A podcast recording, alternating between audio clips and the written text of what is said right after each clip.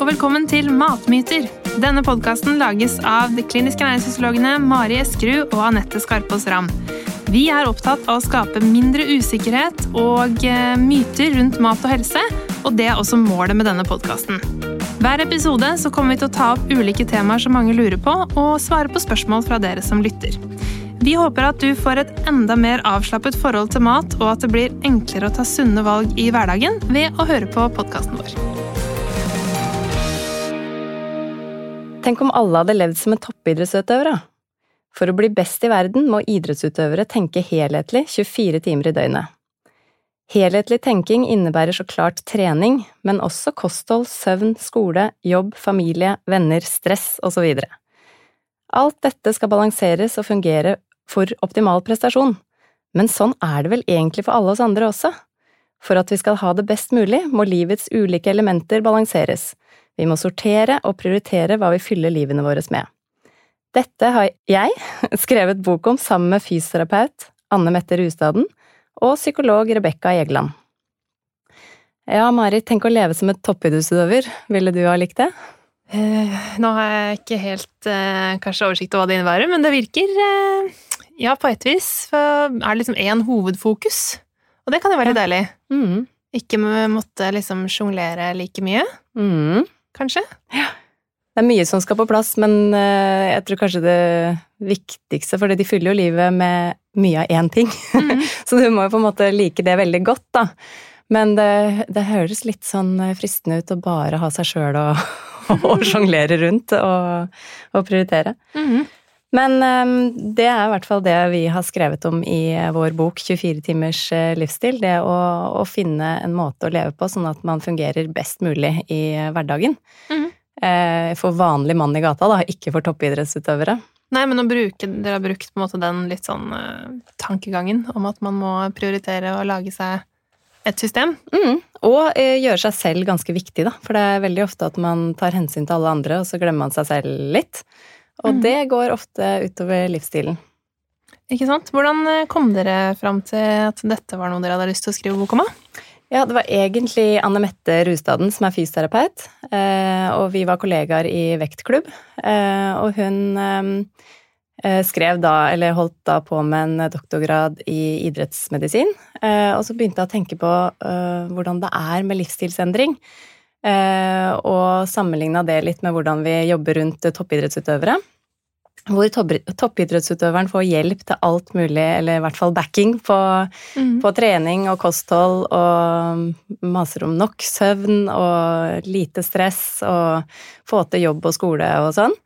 Eh, og hvis vanlige folk hadde også tenkt sånn at de skulle balansere dette her på en ordentlig måte, så, så ville vi kunnet prioritert eh, bedre i hverdagen.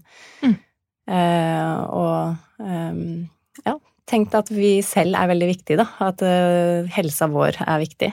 Ja, for det som ofte skjer i en sånn hektisk hverdag, er jo at man eh, alt bare på en måte lesses på. Mm. Og man kanskje gjør ikke alltid de prioriteringene i hva man, hva man ønsker å ha tid til og overskudd til, da. Mm. Typisk eh, dame etter småbarnsalderen, liksom, som plutselig bare ser at eh, jeg har forsømt meg selv. Eh, jeg har ikke vært flink med meg selv. Jeg har passa på at barna får i seg bra med kost, eh, eller bra kosthold og følger på idrett og sånn, men eh, at hun selv kanskje da ikke har spist bra eller fått trent, for det har ikke blitt tid til det, eller det har ikke blitt prioritert, da. Mm. Så det er et typisk eksempel, men det gjelder nok for veldig mange at man eh, kanskje setter jobben foran eller eh, andre ting. Så mm. Eh, Hvis du skal beskrive denne 24-timers livsstilen mer i detalj, da, hva, mm. hva legger dere i det? Nei, ja, det er jo så mange elementer som livet består av. Så det hun Anne Mette da fant ut, var at hun er jo ekspert på trening. Eh, Og så spurte hun om jeg ville være med på kosthold, og Rebekka Egeland på, mm, som psykolog, for å ta den mentale helsebiten. Um, og de tre da hovedelementene, tren, eller fysisk aktivitet, kosthold og mental helse, det er egentlig det som er viktig å balansere for en, en god livsstil. Eh, og da mener jeg ikke at alt skal være perfekt, men, eh, men de tre elementene må tas hensyn til. Det høres jo logisk ut. Mm. Eh, hvis vi skal på en måte beskrive en god livsstil, da, hvordan Ja. eh, gjør vi det? Nei, det er jo veldig individuelt, eh, men eh, Men eh, ja, hvordan skal man si det generelt? Det som er viktig å tenke på, er at man skal trives med det selv. Mm. Eh, Og hvis man er misfornøyd med livsstilen, sånn som mange av de jeg møter, de kan jo være misfornøyd med egentlig flere deler. Kanskje det er ting de ikke ser engang, eh, men som bare har kommet inn i et mønster som påvirker eh, livsstilen. For eksempel er det mange som ikke er oppmerksom på at de sover for lite. At Mm. søvn kan på en måte være starten på noe som gir ringvirkninger eh, og en dårlig livsstil. Men det er egentlig hva er det som er viktig for meg, og hvordan eh, skal jeg leve for å ha det så bra som mulig. Mm. Så da er det egentlig det å, når man har pasienter, da, å prøve å finne ut det. Hva er det, som, eh, hva er det du savner, eller hvordan, hva skulle du ønske var annerledes? Eh, Hvor mye koster det deg å endre på det, og i hvilken grad skal vi prøve å endre på det? Så for eksempel hvis noen tenker at de skal begynne å trene, da, så er det å finne det realistiske målet for hvor mye eller hva man skal trene, og gjøre det sammen med pasienten, eller eh, hvis man leser boka, da, prøve å, selv å bestemme seg for hva er det jeg er fornøyd med. Mm. Hvor er det jeg har lyst til å strekke meg, eller hvor vil jeg? Og hvorfor har jeg eventuelt lyst til å begynne å trene mer, kanskje? Er det fordi Mm. man tror man må, kanskje? Eller er det fordi man faktisk har lyst til å være sterkere eller få mer overskudd eller Mm. sånne ting? Det, er, det skriver vi litt om i boka, dette med motivasjon. Hvorfor vil jeg gjøre disse endringene? Er det bare fordi at jeg hører at man skal spise mer grønnsaker, eller er det fordi jeg har lyst til å spise et annerledes kosthold? Mm. Eh, Så det er også med, med hvorfor man skal gjøre det, og, og hva man ser for seg egentlig langt der framme. Mm. Og også sette helt konkrete delmål, sånn at det blir lett å, å gjøre de småendringene da, som, som ofte skal til for å forbedre livsstilen. Så um, litt forskjellig selvfølgelig da, fra person til person hva man egentlig skal begynne å se på. Mm. Men jeg tenker søvn, som du nevnte, er sikkert relevant for veldig mange, for det er jo en sånn ting man eh, gjerne kutter ned på når man har litt for få timer i døgnet, og så Ja, det påvirker jo alt annet, virkelig. Mm. Og det gjør egentlig alle. De tinga kan påvirke hverandre. Hvis man har dårlig kosthold, så kan jo det også påvirke at man ikke får overskudd og blir mer sliten. Mm. Og hvis man eh, har sovet for lite, så kanskje det ikke er så fristende da å dra på sats etter jobben når man har sittet og gjespa en hel dag. Eh, eller eh, hvis man ikke har fysisk aktivitet, så kanskje man kan føle mer eh, angst, depresjon, altså det kan gå på humøret. Så at alle de tinga her kan både ødelegge for hverandre, egentlig, på en måte, og uh, forsterke hverandre hvis man uh, gjør små forbedringer. Så det som um, er litt morsomt, er at vi, jeg begynte med kostveiledning for en nå for noen uker siden. Uh, og vi hadde egentlig ikke så store mål om endring, men det var det å begynne å spise mer vanlig mat. Eh, og unngå Eller vi snakka ikke om egentlig så mye som skulle unngås, men vi skulle putte inn eh, mer mat som gir metthet og, og næringsstoffer. Eh, og så la vi på kanskje skal prøve å komme opp i et visst antall skritt om dagen. Og dette har gått veldig bra. Eh, 5000-6000 skritt om dagen og mm, så og så mange ganger med, med kornprodukter og magre meieriprodukter og frukt og grønnsaker, så det er egentlig ganske enkle ting. Eh, men eh, det denne personen da rapporterte, var at det har gått Eller humøret er bedre. Mm. At det føler seg liksom eh, Og det kan jo gå på både at den fysiske aktiviteten går direkt, kan ha en direkte virkning på humøret, men eh, også det med mestring. Ja. Eh, At man føler seg mer fornøyd, og, og at man liksom er på vei et sted som man er fornøyd med. Så det er mange, mange aspekter med det å gjøre små endringer i, i livsstilen. Absolutt. Hvis vi tenker på kosthold, da, som er det mest nærliggende for oss å prate om i Mm. forbindelse med livsstil, eh, hva er et, et kosthold for en god livsstil, da?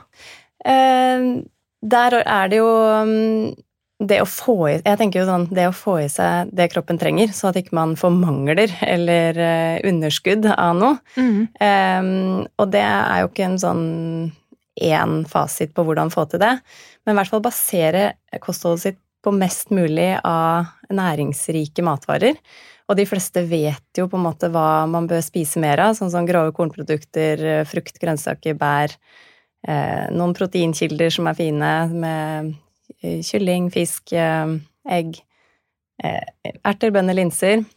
Eh, og magre meieriprodukter. Så eh, jeg har jo lagd en sånn sjekkliste på, på Instagram som veldig mange syns var veldig sånn billedlig og fin å se på. At man kan da ha mål om å spise grove kornprodukter så og så mange ganger om dagen. Magre meieriprodukter eh, to ganger eller tre ganger om dagen. Mm. Eh, og um, frukt og grønnsaker fem ganger om dagen. Så kan man sette kryss, og så blir det veldig sånn tydelig da, på hva man, eh, hva man får til, og hva man bør strekke seg til. Men hva et sunt kosthold er, det kommer jo veldig an på utgangspunktet, egentlig. Så det, det er litt eh, viktig å ikke sammenligne seg med andre eller en slags mal, men at man tar utgangspunkt i sitt kosthold. Og hvis man føler at man har for mye snacks, da, eller alkohol, eller uh, junkfood, eller uh, ja, hva det nå må uh, være, så, og man føler på det selv, så tenker jeg at da er det ganske god grunn til å ta tak i det. Eh, eller hvis man ser at jeg spiser altfor lite av disse matvarene som jeg vet inneholder mye av det kroppen trenger, så, så, er det liksom små skritt, da. Men ta utgangspunkt der du er, og ikke tenke at hvis du spiser si 50-100 gram frukt og grønnsaker om dagen, altså ganske lavt inntak, så er det ikke sånn at man må opp i 500 gram, selv om det er anbefalingen. At man tenker at hvis jeg kan legge på én porsjon om dagen, eller to porsjoner om dagen, så er det et veldig bra eh, bra utvikling, da, eller bra retning å gå. Mm. Så det, det, er ett eh, tips å ikke sammenligne seg på andre, men finne ut hva er det jeg får til selv, og hva er det jeg har glede av å gjøre endringer selv. Mm. Og også kanskje motsatt å finne ut at man kan faktisk spise også snacks og eh, junkfood og alle disse tingene av og til, mm. uten å ha veldig dårlig samvittighet. Ja, og det har vi faktisk et eget kapittel om i den boka, at eh, ikke ha sånn alt eller ingenting-tankegang, for det ødelegger så innmari. Det er eh, veldig mange som har det. Mm. Eh, og da man tenker at når jeg begynner nå, så skal jeg slutte med sjokolade. Og da blir man helt opphengt i sjokolade. Eller mange blir det, da. Eh, og så hva skjer da når man tar den første biten? Jo, da spiser man ikke bare en liten porsjon, da spiser man kanskje mer, og så spiser man det dagen etter, og så tenker man at man har sprekt, på en måte. Mm. Men det som er eh, kunsten, da, er jo å tenke at det er ikke noe farlig å, Eller det er ikke noe negativt å spise det innimellom. Eh, men det er bedre å nyte det man tar, og så tenke at eh, ok, i morgen trenger jeg det kanskje ikke, eller nå skal vi se åssen det går, men det skal, jeg skal i hvert fall prøve å begrense det fra det det var før. Mm. Så hvis vi liksom tenker at eh, Eh, alt eller ingenting-tankegangen eh, bør bort, så er det heller liksom å tenke hvor lite kan jeg klare meg med, og fortsatt være fornøyd. Mm. Hvor, hvor, hvilken mengde på en måte har jeg lyst til å ha i livet mitt. Og det tror jeg det er vanskelig å se for seg når man F.eks. når man kommer til en ernæringsfysiolog, da, ja. så sitter man jo der, og så er man veldig motivert og veldig, veldig klar for å sette i gang. Og da kan man si mange ting som man kanskje ikke helt står inne for når det har gått noen uker. Men da er det viktig å eh, eh, modulere, på en måte, eller ja, eh, gjøre om på de måla eh, ettersom ukene går. Mm. Fordi eh, hvis man sier at eh, nei, sjokolade treng, jeg trenger jo egentlig ikke det, jeg kan jo egentlig kutte det ut, for det er en ting som jeg spiser altfor mye av, og jeg har ikke noe problem med å kutte det ut. Hvis man sier det da første gangen, og så ser man at det, men det er ikke helt realistisk å kutte det helt ut. Og det trenger det jo heller ikke å være. Så er det viktig at man kommer tilbake og sier at eh, jeg har tenkt å spise litt sjokolade innimellom, eller jeg vil ha det på lørdager, eller hva man nå bestemmer seg for. Men eh, hvis man hadde et ønske om å kutte, det, kutte, ned på det, så er jo det uansett noe som man bør på en måte prioritere å få til, men man trenger ikke å ha eh, ingenting. Eh, og hvis man fester for mye, f.eks., og det går utover livsstilen, så, så, er det Kanskje man ikke aldri skal slutte å, å ta seg et glass vin, men, men, man trenger ikke gjøre det like hyppig eller i mm. like stor mengde av gangen. Så mm, det er mange ting man kan gjøre ved å bare redusere litt. Ja. Og prioritere, ikke sant? Som ja. Så finne, først så er det egentlig det å kartlegge og finne ut hvor er jeg. eh, og hvilke ting jeg har lyst til å endre på. Og så er det det å sortere litt i det og finne ut hva er det jeg vil ha inn, og hva er det jeg vil eh, ha mer av og mindre av. Så så enkelt er det egentlig i, i teorien. Og det er veldig fint å ha noen å rapportere til hvis man har en ernæringsfysiolog eller en støttespiller på et eller annet, en PT for den saks skyld, når man skal endre på livsstilen. Men bare det å gjøre det ganske konkret, det man jobber med, og så rapportere. Jeg har fått til det og det siden sist. Eller jeg har lagd så og så mange middager med grønnsaker. Eller jeg har fått det, dette mellommåltidet var viktig for meg. Mm. Kveldsmaten har jeg endra. Ehm, jeg har spist mer frukt og grønnsaker. Jeg har gått tur til og, eller jeg har gått til og fra jobb eh, hele denne uka her. Så man bare har noen å rapportere til, så kan det hjelpe litt både med å liksom strukturere litt og sette ord på hva man jobber med, men også er det veldig mange som syns det er fint med det lille klappet på skuldra, at, ja. Eh, får, at noen heier på deg litt, da. Det er klart. Det, det trenger vi alle sammen. Mm. Hvis vi skal snakke litt om sånn med målsetting og, og, sånn, det har vi vært innom, da, men um, ja, det å, å, sette realistiske mål, og kanskje sånn altså målbare mål, da. Mm. Uh, heter det målbare mål? ja. ja. det må være målbart. Mm. Ja. Ehm, det er jo kanskje det vi jobber mest med når vi er ernæringsfysiologer også. Man kan ha sånt, eh, ganske mange overordna mål, egentlig. Eh, og tenke mm, Ja, eller de som kommer inn, da, kan si sånn Jeg vil spise sunnere. Mm. Og det er veldig lite håndfast. Det blir jo sånn Ok, hva, hva skal vi, hvordan skal vi spise sunnere? Så det er å eh, både gjøre det veldig konkret. Eh, hva er det som bør inn mer av? Og så hvis man ser at det er grønnsaker, f.eks., så kan man egentlig gå videre også. Hva slags grønnsaker er det du liker? Når er det du kan spise det? Til hvilke tidspunkter? Eh, og hvilke retter er det du kan lage mer av? Og gjøre det veldig sånn eh, lett å, å gå hjem og gjøre det, da. Eh, og hvordan skal du få det til, og når mm. skal du begynne? Eh, så det kan man gjøre egentlig med mm, mange ting. Så hvis det overordna målet er å spise sunnere, så må man liksom gå inn og se på er, hvordan man kan spise sunnere. Eller hvis det overordna målet er å prøve å få ned kolesterolet i blodet, så er det også sånn hva kan vi gjøre i kostholdet, hvilke eh, faktorer spiller inn på, på dette med kolesterol i blodet, og hvordan skal vi få til å spise mindre av rødt kjøtt, for eksempel, da. Eh, hva kan man spise isteden? Så gjør det helt sånn konkret, sånn at man skriver ned eh, hva man skal jobbe med. Mm. Og så har man en periode som man da prøver å gjennomføre det her, eh, og så går det bra eller ikke bra. Eller at det går bra, men det har vært veldig mye jobb, så er det på en måte Da må man ta en sånn evaluering etter noen uker og se hvordan gikk det egentlig, og er dette et kosthold du kan leve med over tid? For det er jo det som er egentlig litt målet, å finne en livsstil som du skal leve med over tid. Men da må man kanskje prøve ut litt forskjellige vari varianter, da. Mm. Eh, både når det gjelder kosthold, men også eh, fysisk aktivitet, og kanskje man jobber med søvn eller stressmestring og sånne ting på mental helse. Så det er, eh, ja, det er mange ting man må teste ut for å, å finne egentlig sin vei. Mm. Og så er det bare den personen som kan finne ut om det er noe man trives med, eller om eh, ja, om det er andre ting som er viktigere. Mm. Ikke sant. Det er også noe med å finne de tingene som er minst innsats, men som gir størst gevinst, ikke sant. For ofte så er folk opptatt av uh, ting som gir liten gevinst, eh, ja. opplever jeg, når man mm. tenker på sånn, åh, jeg må slutte med jeg vet ikke, lettbrus. Og så er det sånn Hvorfor det?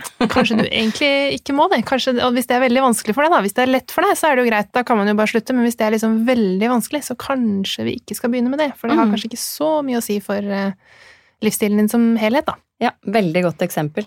Kan altså egentlig tenke på det sånn at uh, de som Med trening, da, så de som går fra å være inaktive uh, til å bevege seg litt, de har jo veldig stor helsegevinst. Sånn at den første, liksom fra å ikke bevege seg til å bevege seg litt, er veldig bra. Men det å tvinge seg til å øke fra tre til fire treningsøkter, det er fint, men det er ikke veldig mye helse Eller sånn Nei. Hvis det koster deg veldig mye, så er det ikke så mye å hente der. Kanskje du heller skal legge deg tidligere den siste dagen, ikke sant? Nettopp, ja. At det er andre ting som heller bør prioriteres. Så det er hele tida å leite etter den balansen som, som koster deg minst mulig, men som gjør deg best mulig. Uh, og det kan også være, sant, hvis du tenker at og før i tida så trente jeg jo tre ganger i uka på sats, men så har du ikke gjort det de siste åra. Så er det dumt å ha det som mål da å trene tre-fire ganger i uka, bare pang rett på det, hvis ikke det er noe du egentlig trives med.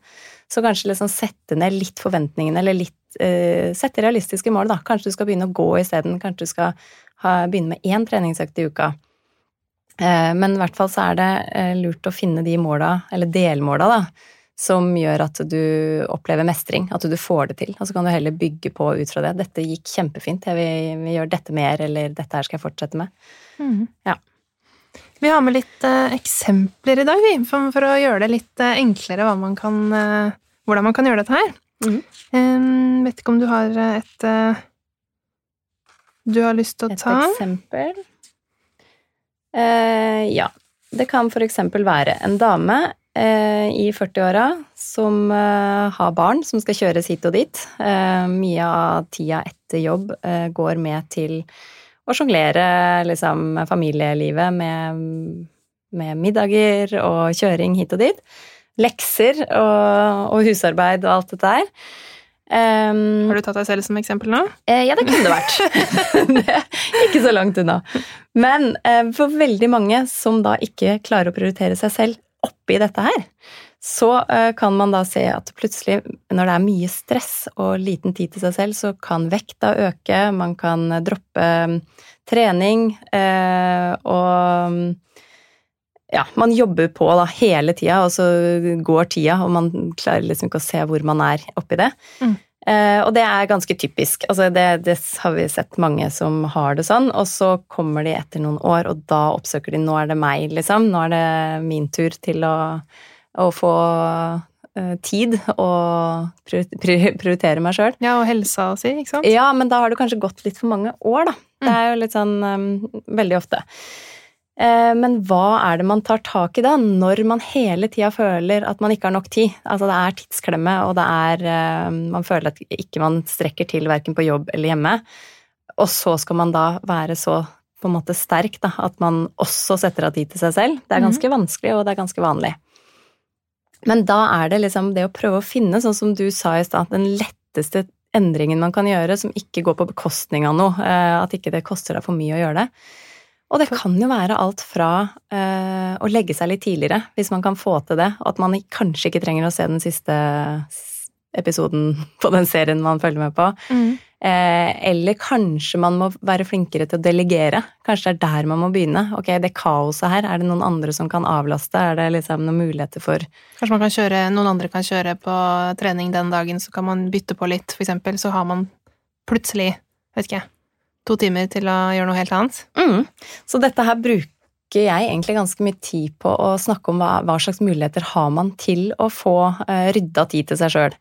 Er det sånn at søndag morgen kanskje bare er eh, du som skal gå tur, og så er det de andre som kan gjøre frokosten eh, klar, liksom, eller rydde etter frokost, eller hva som helst.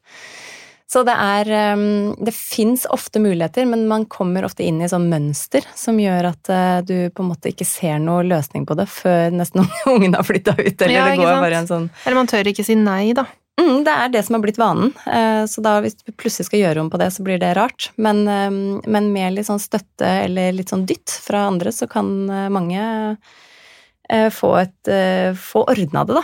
Og egentlig så syns jeg det virker som veldig mange partnere, i hvert fall sånn når man prøver å finne ut av det, at de er med på, på å dele litt annerledes på det. Og veldig mange syns jo bare det er hyggelig at man får tid til å trene og og slappe av uh, hvis man har et behov for det. Men det er jo kanskje det at man ikke føler at Eller at man ikke har gjort seg selv viktig nok, da. Mm. Og ikke vist uh, hva man har behov for. Så det er en typisk uh, ting. Og, og, noe som ikke trenger å ta noe mer tid, er jo hvordan man planlegger maten. At man kan spise på en måte veldig mye sunnere uten at det skal ta så mye mer tid. Så hvis planlegginga allerede er gjort, Eh, så er det jo bare det å gjennomføre igjen, som ofte er vanskelig for mange, da.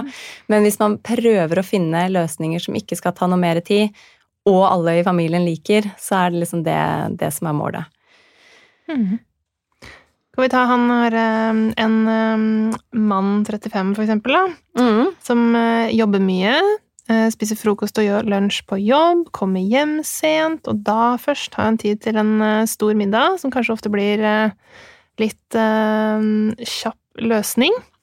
Blir veldig mett, blir sliten, dropper trening og sovner på sofaen, eller i hvert fall i nærheten av den. Mm. Og ønsker liksom Eller blir sikkert sliten, da, av den eh, livsstilen. Mm. Hva tenker du man skal begynne med da? Nei, det også har Jeg har jo hatt det øh, lignende øh, før. Det er jo veldig typisk det her også. ikke sant? Der går jobben litt foran. Eh, og noen sier at jeg bestemmer over min egen tid, og jeg jobber såpass mye at jeg har egentlig jeg er i pluss på timer. Så jeg kan, hvis jeg vil, reise hjem, spise middag og jobbe en time på kvelden heller, eh, liksom. Så noen ser løsninger på det ganske lett. Eh, eller eh, mange foreslår også, men jeg kan ta en ganske lang pause midt på dagen og få trent. Mm. Så eh, det å liksom se hvilke muligheter har du, og også det med måltidsrytme, kanskje på han her ville jeg sett om det var noe For det er jo et mønster, dette at du blir for sulten, eller du spiser ikke nok gjennom dagen, kommer hjem og spiser et kjempemåltid eh, og blir både for mett og sløv etterpå. Mm.